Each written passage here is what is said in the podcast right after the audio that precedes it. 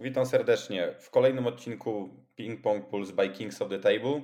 Gościem w tym tygodniu jest Patryk Zattówka, uczestnik Igrzysk Olimpijskich w 2016 roku w Rio de Janeiro, zawodnik Superligi, obecnie występujący w UKS Doidy Białystok, wielokrotny medalista Mistrzostw Polski w różnej kategorii wiekowej. Cześć Patryk, czy coś pominąłem? Witam serdecznie, wszystko chyba powiedziane zostało. To może na początek, jak z innymi gośćmi, którzy grają w tenisa stołowego, w ogóle skąd pomysł na to, żeby usprawiać tą dyscyplinę y, sportu? E, mogę powiedzieć śmiało, że to wyszło zdecydowanie z przypadku, bo jak byłem mały, to chciałem grać w piłkę. Trenowałem piłkę, też trochę kosze, jakby różne sporty i mama sobie chodziła na siłownię i zobaczyła, że jest plakat tenisa stołowego, tam zbierają ludzi na sekcję. No i jak to tam za dzieciaka na wszystkie sporty się chodziło, no to poszedłem. I co najśmieszniejsze, po miesiącu treningów już nie chciałem grać, jakby, bo brakowało mi czasu, czy na wyjście z kolegami, czy na treningi w piłkę. I po miesiącu trener Dariusz Budzik powiedział rodzicom, że mam talent. No i jakby rodzice mnie troszkę przycisnęli. Potem jakiś się pojawił turniej, pierwszy tam od razu sukces, drugie miejsce, no i wtedy się zaczęło, czyli totalnie z przypadku. I to w jakim wieku byłeś? Jak, zacząłeś, jak pierwszy raz w ogóle złapałeś rakietkę? Pierwsza klasa podstawówki to bodajże 7 lat. 7, 7 lat. No to już sporo czasu. Czyli trochę niechętnie, a co cię, nie wiem, pewnie ciężko też ci będzie teraz przypomnieć, ale czy może było coś takiego, co, dlaczego po tym miesiącu stwierdziłeś, że, że to nie to? E, pamiętam, że też dużo kolegów z klasy, jakby ich mamy też ich zapisały na właśnie na Pingla i oni zrezygnowali też po tym czasie i ja praktycznie zostałem sam, czy tam z dwoma osobami, no i pewnie też to było przyczyną, że ja też nie chciałem, jak koledzy nie chcą, to ja też nie chciałem. A, no jasne, no taki trochę, wiadomo, lepiej jest jak są znajomi, aniżeli samemu się trenuje, to na pewno. A jaki był twój pierwszy klub? Jak się nazywał? E, pierwszy klub to był w Jaktorowie. Nie pamiętam dokładnie nazwy całej. Ale UKS Jaktorów, z tego co pamiętam. Jaktorów, okej. Okay. I to ile tam lat grałeś? E, tam grałem, bo to chyba na początku było dwa lata i potem klub się przeniósł do Grodziska Mazowieckiego. Czyli można teraz powiedzieć, że w sumie zaczynałem w Grodzisku Mazowieckim. Mhm. I jakby pierwszy, takie mówi, że pierwszy turniej to drugie miejsce, to był jakiś turniej wojewódzki, czy jakiś taki bardziej y, lokalny? Y, właśnie to był taki już ogólnopolski, taki to był o, ogólnopolski, Cup no Częstochowa chyba się nazywało i tam właśnie grało się na takich niższych stołach i chyba jeszcze nawet mniejszymi rakietkami, bo tam było, nie wiem, do ósmego roku życia chyba. I właśnie wtedy byłem drugi i przegrałem właśnie jeszcze z Tomkiem Kotowskim, który też występuje w Superlidze w finale, no i pewnie to był taki moment, taki zapalnik, że już pewnie mi się wtedy bardziej spodobało, chociaż nie pamiętam tego, no i chciałem grać na pewno dalej. I na początku ile razy w tygodniu trenowałeś? Po tym, może po sukcesie tym, który osiągnąłeś, czy zwiększyłeś jakby ilość treningów, czy jeszcze trochę to trwało? Jeszcze ile, ile razy grałeś w tygodniu na początku? Myślę, że na początku chyba było dwa czy trzy razy w tygodniu i dosyć szybko stało się, że to było raz dziennie po prostu. I po, z tego co pamiętam, po trzech latach już doszło, że nawet dwa razy dziennie. No to już całkiem sporo. I potem jak już zacząłeś grać, klub się przeniósł do Grodziska Mazowieckiego, to dużo jakby odwiedziłeś ośrodków szkoleniowych, w których trenowałeś? Yy, na pewno tak do tej pory to mieszkałem też dwa lata w Szwecji, dwa lata w Niemczech, w ośrodku w Gdańsku, teraz też na co dzień trenuję w Gdańsku. Yy, w Grodzisku Mazowieckim bodajże trenowałem do 15 roku życia i potem przeniosłem się do Gdańska i potem do Szwecji, do Niemiec i teraz znowu z powrotem jestem w Gdańsku, więc trochę tych ośrodków zwiedziłem w swoim życiu. No to widzę, byłeś też za granicą, to może być właśnie takie ciekawe. Czy widzisz jakąś różnicę może na plus, może na minus w porównaniu z ośrodkami polskimi i zagranicznymi?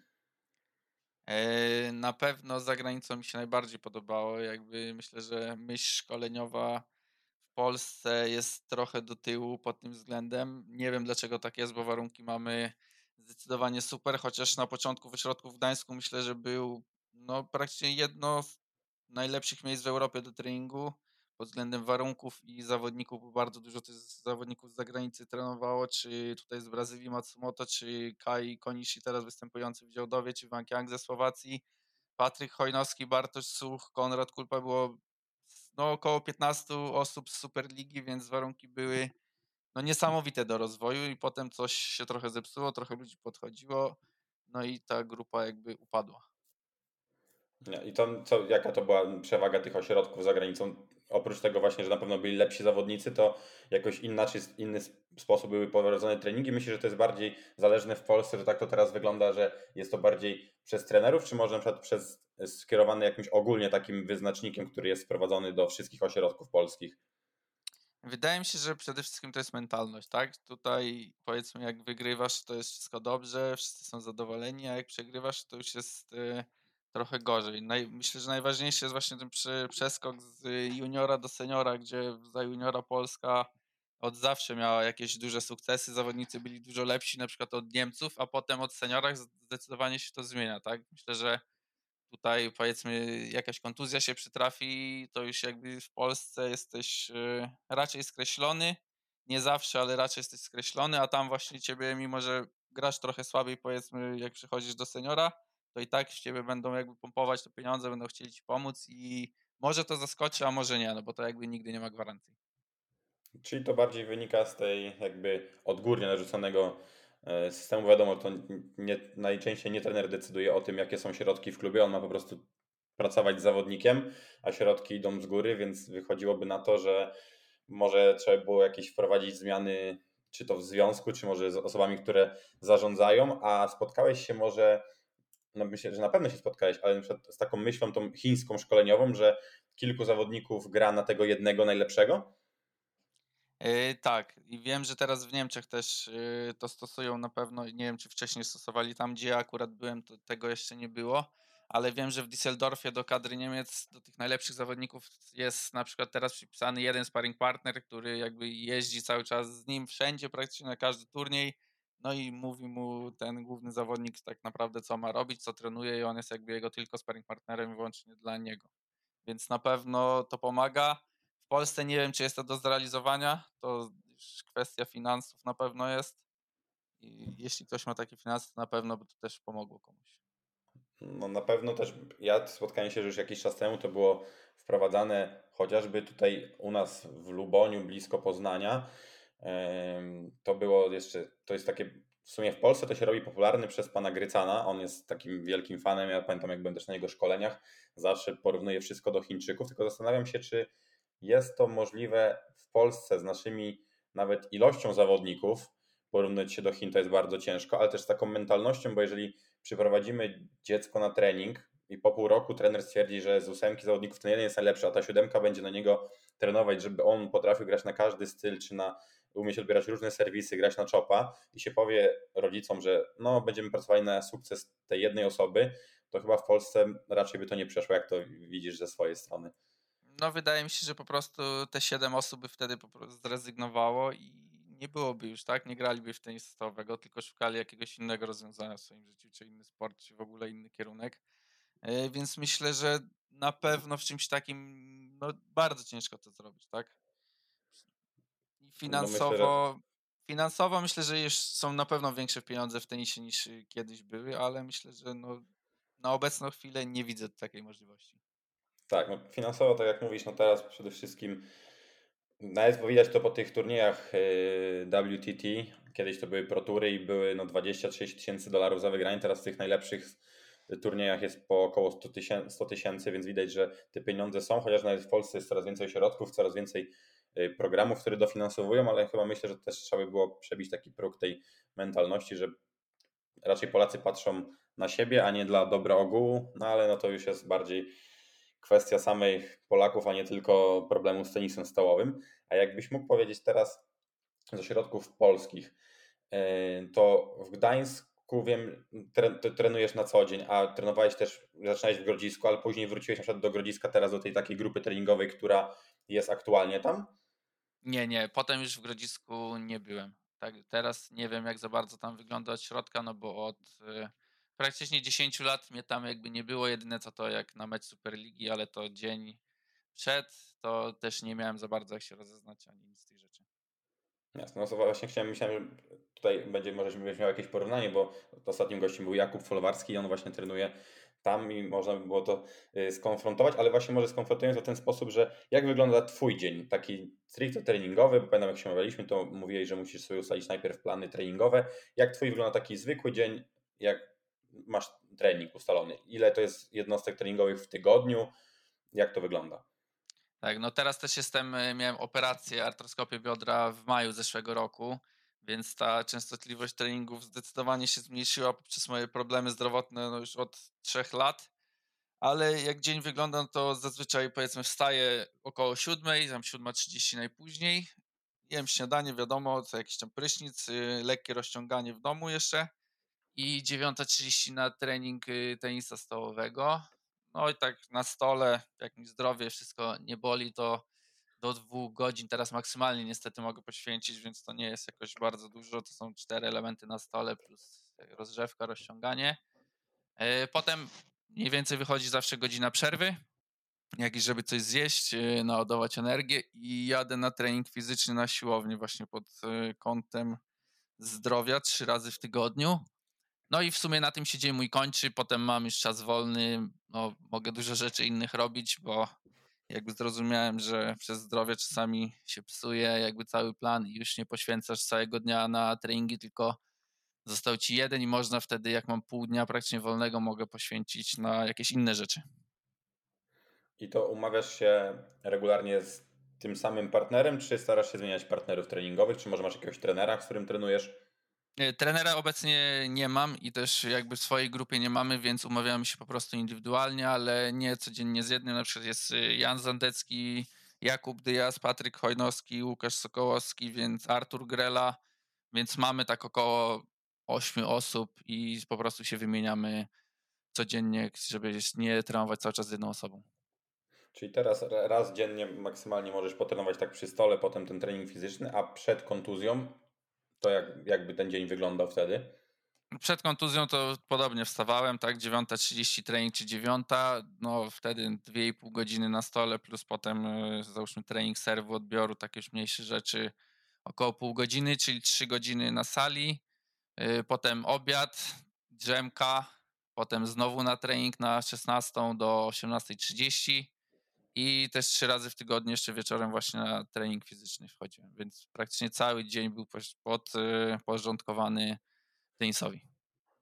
No to ewidentnie, jeżeli chcecie osiągnąć sukces, to tak trzeba trenować, ale fajnie nawiązać do tego, że po treningu jeszcze zostawiałeś na serwis odbiór i właśnie chciałem Cię zapytać, taki zawodnik, który powiedzmy młody, słucha nas teraz, jest kadetem, juniorem, młodzikiem i ile zawodnik czasu powinien według Ciebie poświęcić na tym etapie, jak jest młody, jeszcze przed 18 rokiem życia w tych młodzieżowych kategoriach powinien poświęcić na odbiór serwis, bo ostatnio zauważyłem taki trend, grając nawet z tymi zawodnikami, gdzie, gdzie się przebijają, czy to kadetami, y, jest top 8 w Polsce, gdzieś tutaj jak gram z nimi na ligach, czy na WTK, czy z młodszymi kategoriami wiekowymi, to są bardzo dobrzy zawodnicy na otwartą grę, ale jeżeli mają odebrać serwis, sami zaserwować, to jest najczęściej serwis jest nie ma jakości, a odbiór jest w ogóle przypadkowy, albo wyjdzie, albo nie wyjdzie. Jak uważasz, ile oni powinni spędzić czasu tacy zawodnicy właśnie na, na tych najważniejszych elementach, moim zdaniem, gry?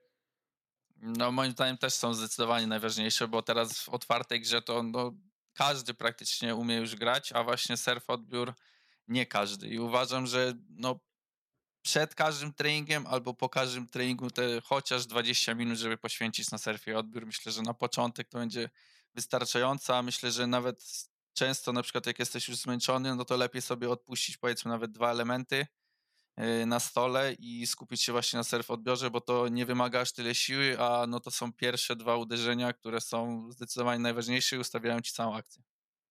No dokładnie, właśnie teraz też pracując z młodymi zawodnikami na swoich treningach, zawsze, nawet, czy nawet ze starszymi osobami, jak pytam, co jest najważniejsze w tenisie stołem, jaki element według nich, to często odpowiedź to jest top spin, forehand, uderzenie kończące, blok. Ale nie każda akcja to zawiera, a każda akcja zawiera serw i odbiór i potem jest takie zdziwienie, że ale ja jestem lepszy od kogoś, ale przegrywam. Tylko, że jeżeli ktoś odbiera serwis lobem albo w ogóle go nie odbiera, no to nie dojdzie do tej otwartej gry, w której się czuje dobrze. Czyli będę miał fajny właśnie tutaj wycinek, żebym zawsze mogę teraz pokazać swoim uczniom, że Patryk Zatówka, zawodnik ekstraklasy, mówi też, że serwis i odbiór jest y, najważniejszy. Jak najbardziej, e... zdecydowanie potwierdzam. I teraz taka gratka dla tych właśnie naszych słuchaczy. Jakim sprzętem grasz?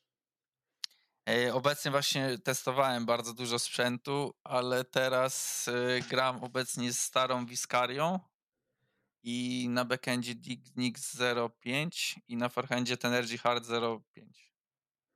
A czy testowałeś Dignixa 09C?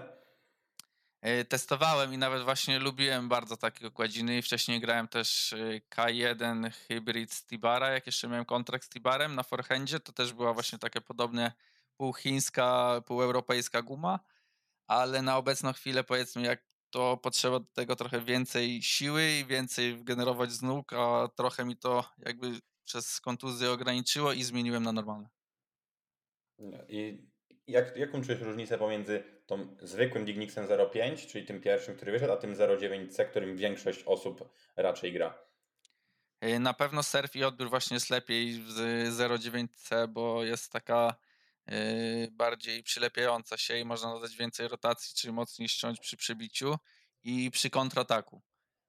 To na pewno jest dużo lepiej, chociaż jak już dochodzi do właśnie do otwartej gry, jesteś trochę z tyłu i kontra na kontrę, to wtedy uważam, że przewagę ma właśnie normalny Dignix nad 09C.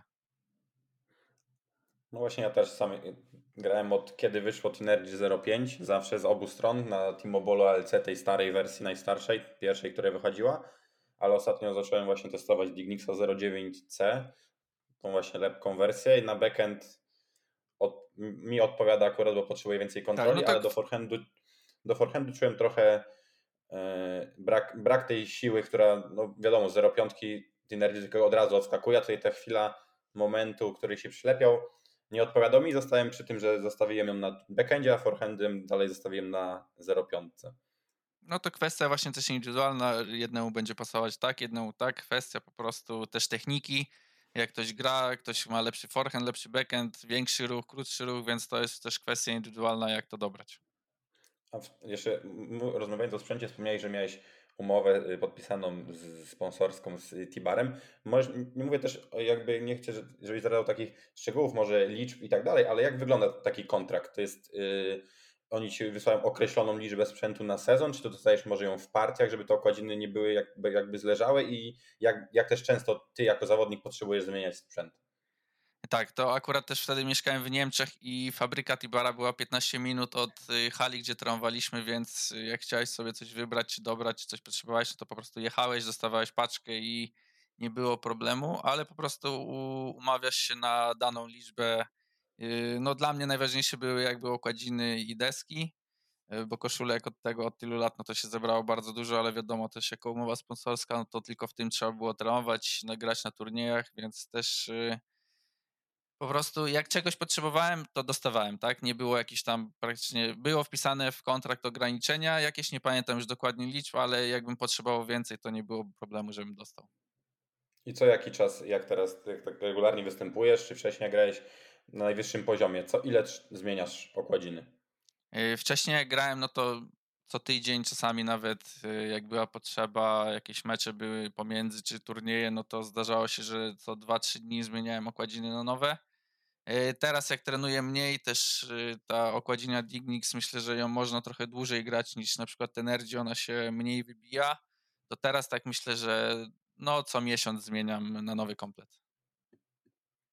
I ile masz w torbie w razie czego zapasowych rakiet? Jakby coś się stało z tą jedną? Ja zawsze właśnie Jak byłem prze, prze, tak, przewrażliwiony na tym punkcie, bo były takie sytuacje, że zahaczyłem i ktoś tam, ja akurat miałem zawsze rakietki, ale ktoś nie miał i musiał pożyczać od kogoś, to ja mam zawsze ze sobą minimum trzy. Nawet do teraz mam zawsze trzy rakietki. Je, je, czyli tą, którą grasz i jeszcze trzy. I jeszcze dwie. Czyli, jeszcze, czyli łącznie jeszcze trzy. Dwie. Tak. Czyli łącznie trzy. i dwie, tak, tak. I czy, też można było zauważyć na przykład na filmiku Timobola, jak kleisz właśnie, żeby mieć trzy, to starasz się, żeby dobierać okładziny gramowo, tak, żeby mniej więcej rakieta ważyła tyle samo, czy to już dla Ciebie aż tak nie ma znaczenia? Tak, jak miałem kontrakt, to tam właśnie nie było gramowo, tylko oni podawali to w temperaturze. Tłumaczyli, że im jakby większa temperatura, tym okładzina jest y, twardsza. To wtedy jakby za każdym razem po prostu brałem takie same okładziny, taka sama ilość kleju i za każdym razem robiłem to samo. Jasne. Dobra, to może już odejdźmy od tematu sprzętu. Wcześniej też mówiłeś o tym, że trenujesz fizycznie trzy razy dla zdrowia, a czy jakaś dieta, czy to jak, może masz dietetyka, czy starasz się w jakiś sposób konkretny odżywiać? Yy, bardzo długi czas yy, byłem na cateringach, po prostu sobie różne testowałem, który mi bardziej podchodził i zamawiałem, bo to też jakby czasowo było dla mnie lepiej, no i odzwyczaiłem się trochę od stania w kuchni, no nie chciało mi się po prostu gotować i było to wygodne i smaczne, więc jadłem zdrowo, ale teraz zrezygnowałem z tego i podjąłem współpracę z Pauliną Knyszewską. Ona zajmuje się właśnie dietetyką, też gra w tenisa stołowego cały czas i ona mi właśnie rozpisała dietę, suplementację i teraz tego się trzymam. Jasne. I takiej su yy, suplementacji dla tenisisty stołowego, dla sportowca, co suplementujesz dodatkowo oprócz tego, co jesz?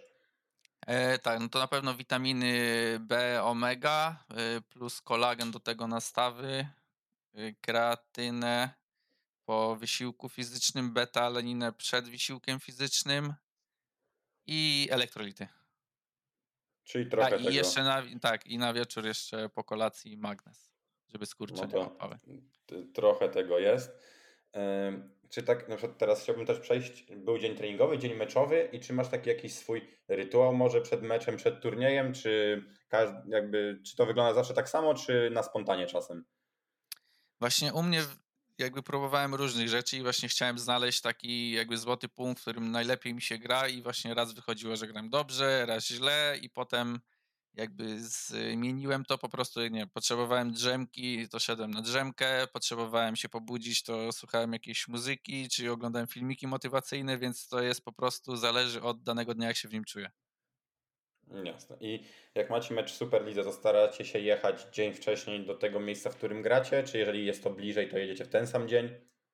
E, Ja na przykład jak grałem w Białymstoku i mecze były w piątek, niedziela, to przyjeżdżałem zawsze w środę wieczorem, bo jakby przyjechałem parę razy w czwartek, dzień po prostu przed, no i jakby moje biodra potrzebowały jednego dnia dłużej właśnie na jakąś trochę regenerację, rozciągania, mobilizowania i zawsze przyjeżdżałem dzień wcześniej, w środę, dwa dni wcześniej wieczorem, żeby w czwartek sobie po prostu na spokojnie potrenować, jeden trening delikatnie, plus właśnie porozciągać biodra, jakieś yy, nie wiem, stabilizację brzucha na przykład zrobić i w piątek mecz. No, czyli to, to bardzo podobnie do Jakuba Folwarskiego, z którym rozmawialiśmy, też mówił, że stara się dzień wcześniej y, przyjeżdżać. To teraz przejdźmy do takiej, tak moim odczuciu mogła to być jedna z ważniejszych chwil, powołanie na Igrzyska Olimpijskie. Jakie to jest uczucie, jakbyś nam trochę mógł powiedzieć, skąd, jak moment, kiedy otrzymałeś to powołanie, mm, mm, powołanie, jak to wyglądało?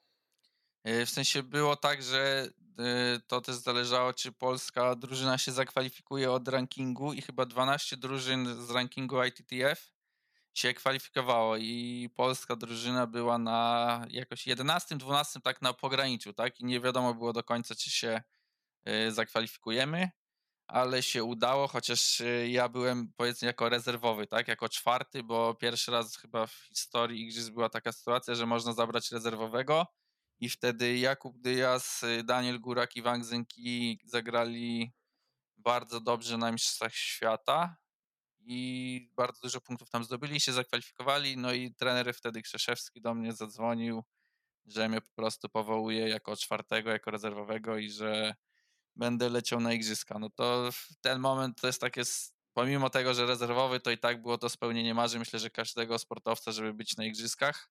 Co prawda nie zagrałem, to jest kolejny z marzeń. Yy, Mam nadzieję, że uda się to jeszcze spełnić pomimo wszystkich przeciwności losu, ale na pewno niesamowite przeżycie. Jak tam już polecieliście, to na pewno miałeś okazję, czy chociażby zobaczyć gdzieś tam z tej takiej bocznej perspektywy na sali treningowej tych najlepszych, czy może nawet z nimi pograć. Jak, to, jak już byliście na igrzyskach, jak to wyglądało? Czy tam, ile trenowaliście, jak długo tam byliście? Yy, Byliśmy łącznie trzy tygodnie i przed pierwszym meczem, yy, pierwsze bodajże były, tak, pierwsze były single, to przed pierwszym meczem mieliśmy tydzień treningowy, ale było tak, że miałeś po prostu raz dziennie przypisany stół, czy tam dwa stoły dla, dla każdej reprezentacji i było to po półtorej godziny maksymalnie, więc jakoś dużo nie trenowaliśmy, więc było to po prostu półtorej godziny dziennie na stole, plus y, siłownia była 24 na dobę dostępna w wiosce olimpijskiej, to ja, no ja, że nie grałem, no to dużo jeszcze z Danielem Górakiem wtedy chodziliśmy przed, bo on też grał tylko w drużynówce. O właśnie, i też mówisz o wiosce olimpijskiej. O tym się często dużo mówi. Jest to na pewno e, jakby w mediach tak to nagłaśniane, że te wioski olimpijskie albo są niewygodne dla zawodników, tak jak to było na ostatniej olimpiadzie w Tokio, albo że czegoś nie ma, że łóżka są tragiczne. Jakie ty miałeś odczucie na temat wioski olimpijskiej? E, no przyjechaliśmy właśnie i był taki jakby ogromny wieżowiec, tam 30-piętrowy bodajże, czy może 20. I wchodzimy właśnie do naszego jakby y, pokoi, wchodzimy do pokoi i mamy folię na podłodze jeszcze, brak okien, y, brak drzwi w jednej łazience, czyli jakby nie zdążyli po prostu tego zrobić było to jeszcze w remoncie po prostu. No i my wszystko jakby ściągaliśmy te folie, jakieś tam moskitiery były, to pozakładaliśmy na okna, z dwie godziny sprzątaliśmy wszystko, no i dopiero jakoś dało się funkcjonować, tak? Ale no warunki po prostu było łóżko, jakaś szafa, czy nawet taka po prostu, że wieszaki same i tyle. Także warunki jakby sypialne no nie były powalające. Czyli rozumiem, że media w tym temacie akurat nie kłamią, jeżeli mówią o tym, że wioski olimpijskie są niedokończone, ale co w takim razie z tymi oknami? Było na tyle ciepło, że można było bez okien normalnie spać? Tak, no w Rio tylko było bardzo ciepło, więc nawet lepiej jak y, był jakiś tam przeciąg czy wiatr, tam było po 30 stopni, więc to nie było problemów. No i najważniejsze, żeby były moskitiery, żeby tam jakieś robactwa nie wlatywało, bo to też przeszkadza potem w spaniu. A jak jedzenie? Tam na miejscu? Y, jedzenie było akurat w porządku. Ja też nie jestem wybredny, jestem taki raczej, że wszystko po prostu zjem, ale było sporo do wyboru, jakieś różne kuchnie, czy azjatycka, europejska, więc y, to akurat był, było w porządku. To dowiedzieliśmy się na pewno, ja się przynajmniej dowiedziałem, na pewno słuchacze też nie znali tej historii, że nie mieliście okien w pokoju na olimpiadzie. Także bardzo fajny smaczek dla Tak, jeszcze, tenisza stołowego. jeszcze McDonald's był za darmo po jakimś tam czasie, więc już po trzech tygodniach czy dwóch tygodniach jedzenia w kółko tego samego też już tam kolejki robiły po dwie godziny. Ja jako najmłodszy czasami stałem godzinę w kolejce, żeby y, i sobie i chłopakom coś przynieść z maka. No to za darmo dla sportowców McDonald's, ciekawe połączenie. Ale Mm, bardzo duże kolejki to właśnie też mnie zdziwiło, że wszyscy ci Że sportowcy korzystają. tak, tak, wszyscy korzystali. No właśnie, te igrzyska to taki, tak jak powiedziałeś, takie spełnienie marzeń, jakbyś miał sobie przypomnieć swój najbardziej pamiętny mecz. Nie mówię zwycię... nie musi być koniecznie zwycięski, ale taki mecz, który pierwszy ci przychodzi do głowy. E, To pierwszy mecz to mi przyszedł w Superlidze, w który akurat wygrałem, grałem jeszcze w Gdańsku z Łączundingiem. On był wtedy siódmą rakietą na świecie, więc to był jakby najlepszy zawodnik i najwyżej sklasyfikowany, z którym wygrałem, więc to jest taka pierwsza myśl. A, czyli to był, w tym momencie to był najlepszy zawodnik, a jakich jeszcze dobrych zawodników, takich, których ty byś mógł wymienić, którzy mieli jakieś osiągnięcia, byli wysoko w rankingu, których udało ci się z którymi wygrać? Z którymi się udało wygrać. No grałem z Fan Zhendongiem, ale niestety mi się nie udało z nim wygrać, O, no miałem... dobra, to może po, po, połączmy Tak. to. Z którymi udało ci się grać i przy okazji, jeżeli będzie jakiś, który wygrał, to też może wspomnieć, ale z takich najlepszych, no to fan Rzędong, no to w tym momencie nie ma lepszego. Ktoś jeszcze? Eee, grałem też z Chińczykiem z kadry Żuju, on już nie gra taki leworęczny. Mhm, tak. To z nim, no niestety też mi się nie udało wygrać, no ale to jakby różnica klas, w ogóle nie ten poziom. Yy, A z najlepszym, co mi się udało wygrać, może Wang Yang ze Słowacji teraz? Obrońca, tak. tak, tak. Ja też z nim akurat trenowałem, no to jakby było mi łatwiej, bo się znaliśmy, dużo trenowaliśmy. Ja też bardzo lubię grać na obronę i mogę, on był też chyba jakoś koło 40 rankingu na świecie, więc mogę powiedzieć, że on.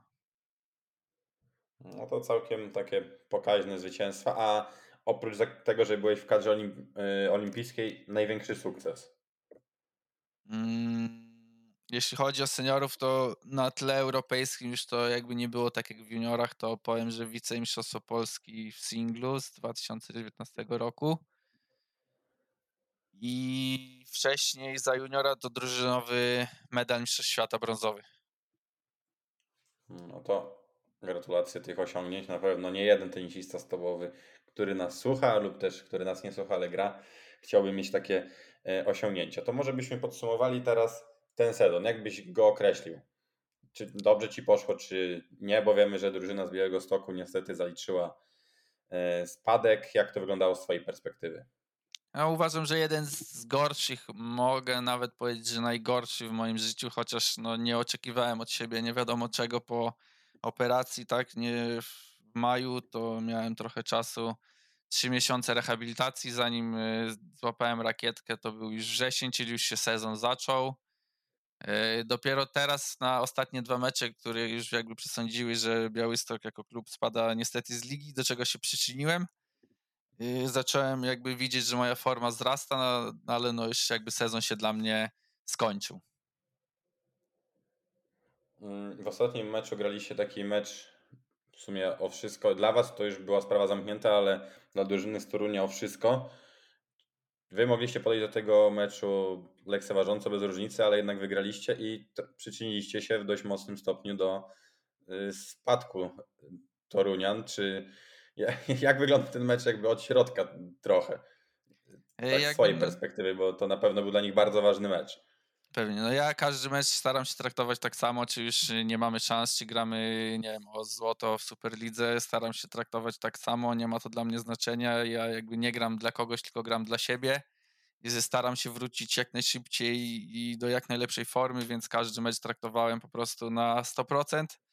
No i taki jest sport, tak? Tak się przyczyniło. Też y, nie można mówić, że to jakby my się przyczyniliśmy w 100% do tego, bo był cały sezon, to był tylko jeden nie, no mecz. w głównym stopniu. Oni sami się przyczynili, Jasne, bo w tamtym sezonie medal, w tym roku tutaj, no ale w tym ostatnim meczu no wygraliście z nimi i to no tak, no miny, miny na... gwóźdź do trumny, że tak powiem. Tak, no miny ich y, były jakby nietęgie, też oni mieli wszystko w swoich rękach, y, nie musieli patrzeć na inne wyniki, jakby wygrali za trzy punkty, to by się utrzymali. No taki jest sport, my graliśmy na 100%, oni grali na 100%. Akurat w tym dniu my byliśmy lepsi, no i tak się niestety potoczyło.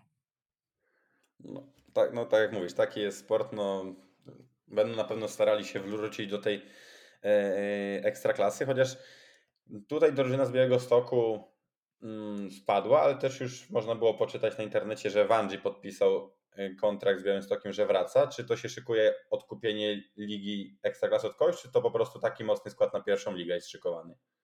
Y, na pewno są plany odkupienia, bo już była taka historia w Białymstoku, że też spadli z ligi i udało się odkupić wtedy bodajże od Spójni Warszawa, ale jest y, wiele czynników na to, tak? Nie wiadomo, jakie drużyny jeszcze awansują, czy będą chciały sprzedać ligę więc to jeszcze długa droga do tego, ale na pewno są takie przymiarki, ale wiem, że też nie tylko drużyna z Białego Stoku ma takie plany.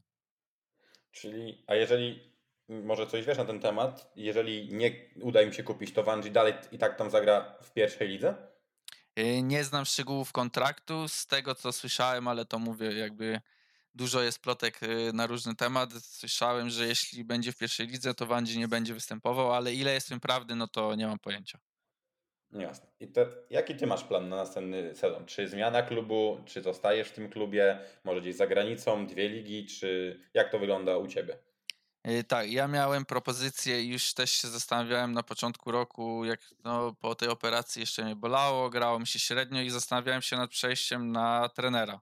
Że sobie jeszcze trenować tam załóżmy trzy razy w tygodniu i zająć się już trenerem, bo też lubię jakby to robić. Myślę, że mam dosyć spore doświadczenie, trochę zobaczyłem i podoba mi się to, ale jakby ze zdrowiem było coraz lepiej i ten pomysł jakby porzuciłem i chcę dalej zostać zawodnikiem. I miałem właśnie ofertę, bo w Białymstoku teraz będzie ośrodek y, Polskiego Związku Tenisa Stołowego.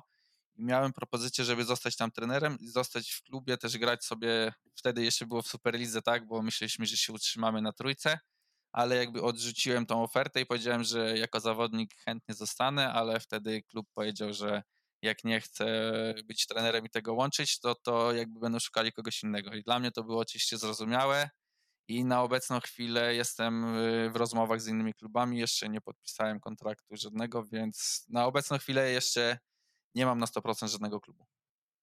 Jasne, nie, nie, nie będę ci, oczywiście tutaj Cię zmuszał, żebyś mówił, jakie to są kluby, ale czy możesz powiedzieć chociaż, czy tylko rozpatrujesz Polskę, czy też jakieś zagraniczne oferty są? Y, rozpatrywałem dużo ofert za granicą, ale obecnie jakby czekam na Polskę, bo jeszcze chciałbym, wiadomo, pograć w Superlidze, bo jest bardzo wysoki poziom, też y, no, wysoki prestiż, y, fajna atmosfera, więc chciałbym na pewno jeszcze pograć w Superlidze, a jak się nie uda w Superlidze, to myślę, że wtedy gdzieś za granicą. No właśnie ten poziom co, z każdym rokiem tej naszej Superligi rośnie, jest coraz więcej pieniędzy od sponsorów yy, wszystkich klubów. Każda praktycznie drużyna ma zakontraktowanego i w większości korzystają z usług graczy azjatyckich, co też podnosi poziom naszej, naszej ligi, ale jednak dalej czekamy na jakiś większy triumf. W tym roku chociaż było drugie miejsce w Pucharze Europy Działdowa w europejskich pucharach. Myślisz, że i co musiałoby się stać, żeby gdzieś się w tej Lidze Mistrzów chociażby przebić do najlepszej czwórki? Kogo byśmy potrzebowali? Mm, no na pewno Jakub Dyas jakby został powiedzmy w Działdowie, to jest y, bardzo duży jako wzmocnienie jako Europejczyk, do, nawet do Ligi Mistrzów, co pokazał wygrywając Harimoto i z Moregardem w jednym meczów. Y, I potrzebujemy dobrego Azjaty i wydaje mi się, że już nie sięgałbym po tych y, starszych Azjatów, tylko po jakichś młodszych, bo jednak ci starsi, no to na polską ligę będą naprawdę wystarczający, tak jak Kai Konisi, który jest bardzo dobrym zawodnikiem i bardzo go szanuję, ale myślę, że mógłby już na Ligę Mistrzów, żeby załóżmy wejść do półfinału, to potrzebny jest ktoś lepszy. No i też na Myślisz- pewno taki wyrównany skład. y, Jakub Dyaz Grot, akurat Grot teraz y, no nie dokładał tych punktów, ale myślę, że jest to dobry zawodnik też z tego co wiem po kontuzjach, więc nie jeszcze w optymalnej formie. No kwestia też szczęścia, tak? Bo to mimo wszystko jest bardzo ważne w tym sporcie. Myślę, że koniecznie potrzebujemy azjatyckich zawodników, żeby zrobić sukces, tak idąc tropem tych drużyn z Niemiec, które w tym co roku praktycznie można powiedzieć, że wygrywają. Borussia Düsseldorf, która ma monopol praktycznie na wszystko w Europie. W tenisie stoją w tym roku akurat nie obroniła tytułu, ale po bardzo zaciętym meczu z inną niemiecką drużyną, tam nie mamy żadnego Azjaty.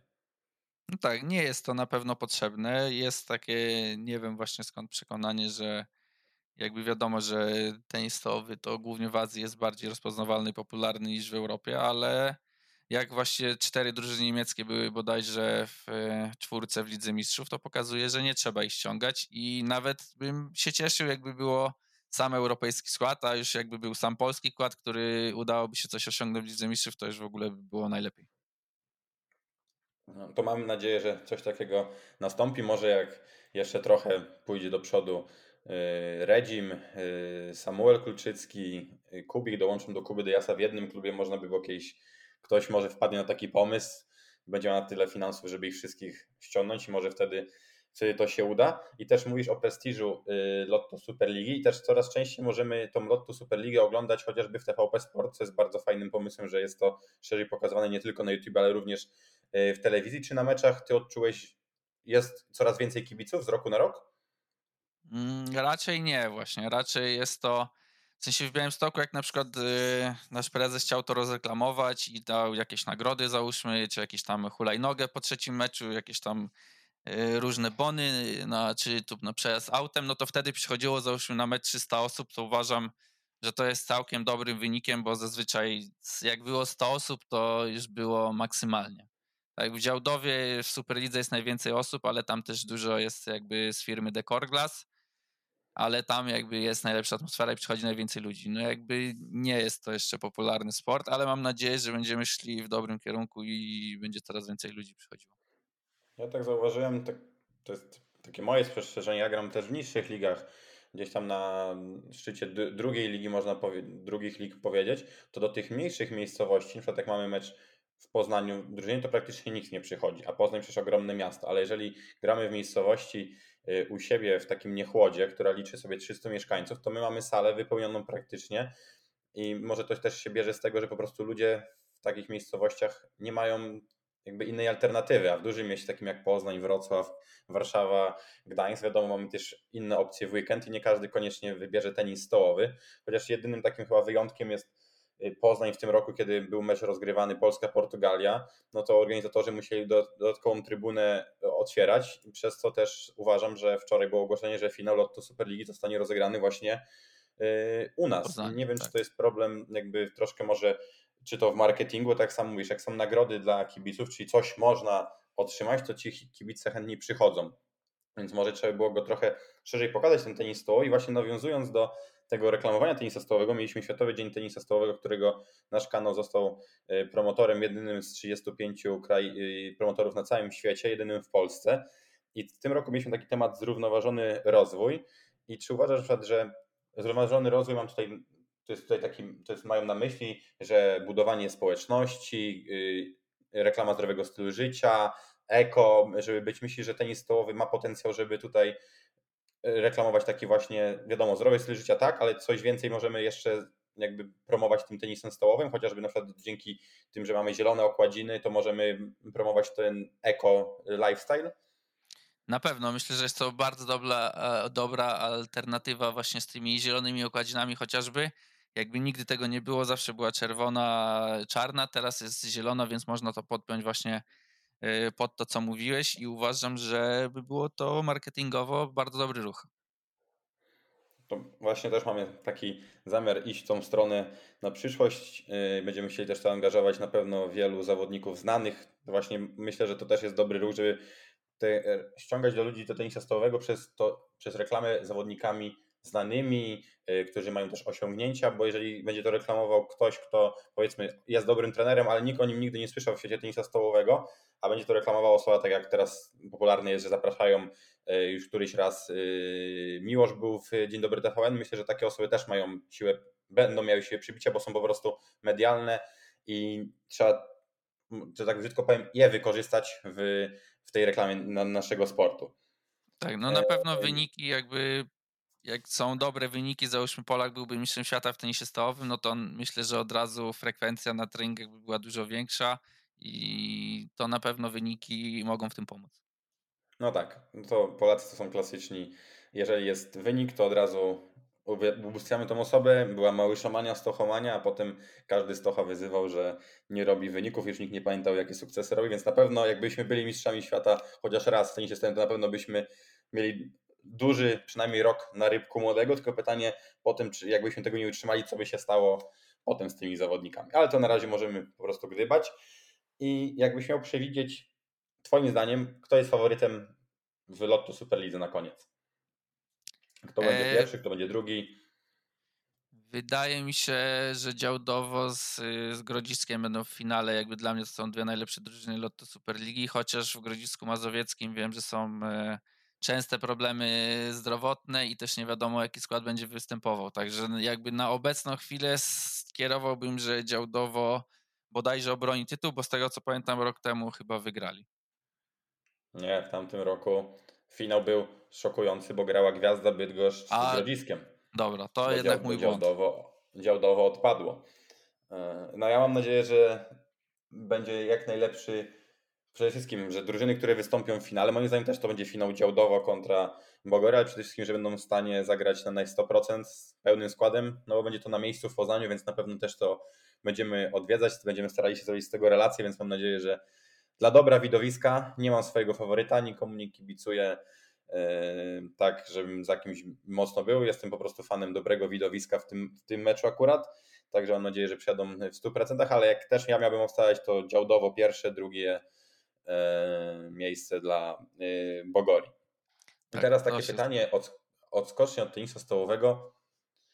E, wspomniałeś też o, o tym, żebyś chciał być trenerem, ale jakie hobby ma Patryk Zatówka poza tenisem stołowym? Co robisz właśnie w wolnym czasie, jak teraz mówisz, że masz drugą połowę dnia wolnego? Czy jest coś takiego, co ci sprawia taką samą przyjemność albo podobną jak tenis stołowy?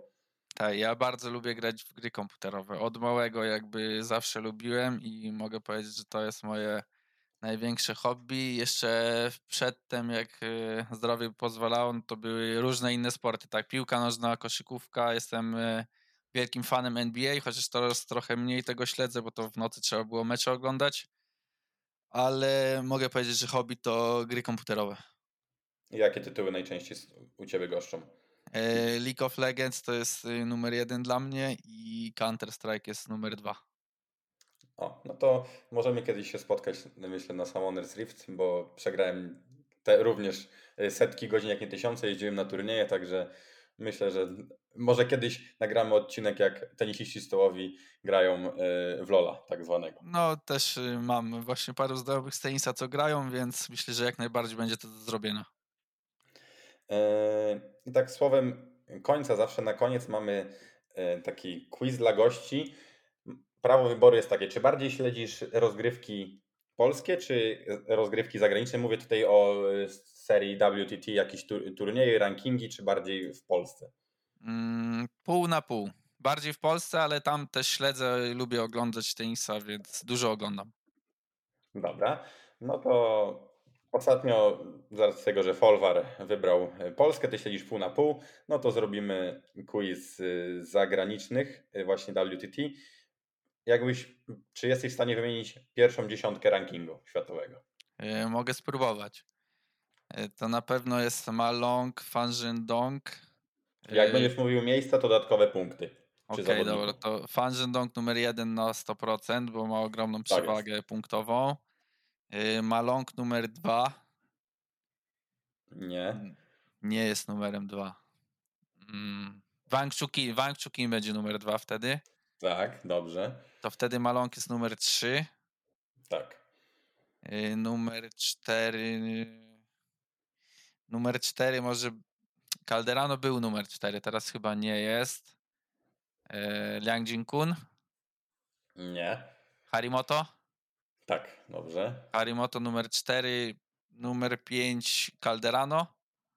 nie, To numer pięć Liang Jinkun wtedy. tak, to numer sześć e, Harimoto. Harimoto już był na czwartym. A, Harimoto był na czwartym. To numer sześć. E, wiem, że Q-Dunk jest w dziesiątce, ale on chyba nie jest szósty. To może od końca teraz pójdę. To Dobra. dziewiątka będzie Q-Dunk. Mhm. Mm. Truls Moregard 7. Tak. Brakuje No i- ci szóstki, ósemki i dziesiątki. Szóstki, ósemki, dziesiątki. Jednego wymieniłeś, te zawodnika, który Calderano. jest w którymś z tych miejsc. Tak, no. Calderano będzie 8. Nie. 6. Tak. I ósemka i dziesiątka. Zawodnicy z Ósem- Azji, dla podpowiedzi. Koreańczyka chyba nie ma żadnego. Nie, nie ma. Lin Junju będzie ósemka. Tak. I dziesiątka to musi jakiś Chińczyk być, to Lin Gaoyuan. Tak jest. Dokładnie. No, No to to nie, nie ale żadnego zawodnika, który nie byłby w dziesiątce. To, że miejsca wiadomo, nie, nie, rzadko kto będzie wiedział tak, dziesiątkę po prostu wymienił z rzędu Jasne, dziesiątkę, ale nie wymieniaj żadnego zawodnika, który by nie był w tej dziesiątce, także yy, bardzo fajnie. Czy planujesz w ogóle tak jeszcze też tutaj na koniec odwiedzić europejskie igrzyska, które będą odbywały się w Krakowie? Y, Jeśli będę miał wolny termin, akurat też dziewczyna mówiła, żebym zabrał ją do Krakowa, więc jak najbardziej, jeśli będę w stanie to połączyć, to chętnie zobaczę, jak będzie polska drużyna sobie radziła w tenisie stołowym. No to może się nawet spotkamy gdzieś na miejscu, bo my również planujemy się wybrać gdzieś właśnie, może jakieś, złapiemy paru zawodników na chwilę wywiadu, żeby z nimi porozmawiać. Jakieś słowa na koniec dla naszych słuchaczy, może kogoś chciałbyś pozdrowić? No pozdrawiam na pewno wszystkich y, fanatyków tenisa stołowego. Mam nadzieję, że będzie właśnie coraz y, bardziej popularny sport i wszystkim się będzie podobało i wszystkim dużo zdrowia życzę. I, I na sam koniec, kogo chciałbyś usłyszeć w naszym podcaście? Y, Chciałbym usłyszeć Marka Badowskiego w następnym podcaście. Dobra, to będziemy starali się zaprosić również Marka. Ja dziękuję bardzo, że znalazłeś e, czas, żeby ze mną porozmawiać i tutaj przedstawić swoją perspektywę. Pozdrawiam wszystkich naszych słuchaczy. Za standardowo zapraszam do odwiedzania naszych social mediów, gdzie możecie oglądać nasze filmiki, nie tylko nas słuchać. I do zostawiania lajków i subskrypcji, to na pewno nam pomoże w promowaniu i rozwijaniu tenisa stołowego w Polsce. Do usłyszenia w następnym odcinku. Cześć. Dzięki bardzo.